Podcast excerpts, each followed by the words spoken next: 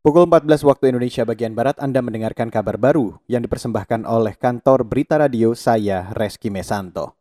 Saudara Menteri Agama Yakut Khalil Komas menyampaikan ucapan selamat Natal kepada umat Kristiani di Indonesia.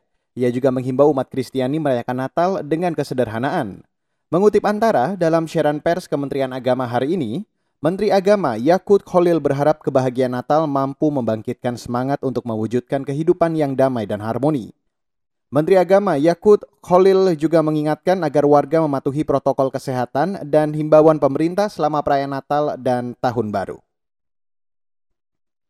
Kita beralih ke informasi selanjutnya, Saudara. Kunjungan wisatawan di sejumlah destinasi wisata di Kabupaten Banyuwangi, Jawa Timur mulai menunjukkan peningkatan. Seperti salah satunya di destinasi wisata Bahari Bansring Underwater yang mulai dipadati wisatawan untuk menikmati pesona pantai Selat Bali.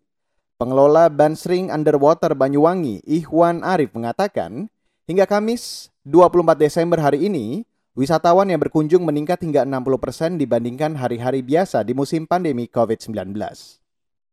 Oh, ada peningkatan mulai hari Selasa kemarin. Hmm, sampai berapa persen nih? Kalau dibanding normal ya baru 60-an. Oh, jadi uh, per per hari ini masyarakat sih sebenarnya terpengaruh ya meningkatnya apa jumlah COVID Cuman mereka kan sudah mulai paham bahwa yang penting uh, apa jaga jarak, terus, terus sering cuci tangan, nggak pakai masker, sehingga mereka tidak terlalu panik seperti awal-awal uh, COVID datang ke Indonesia.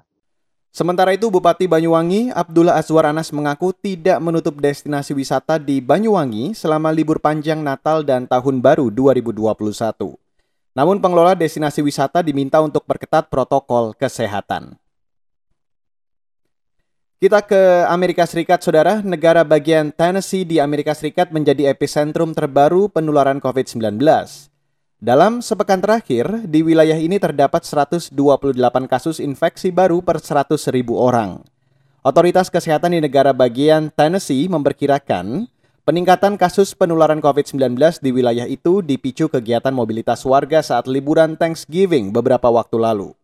Sementara itu di 31 negara bagian lain di Amerika Serikat juga tercatat terjadi peningkatan kasus positif dan angka kematian.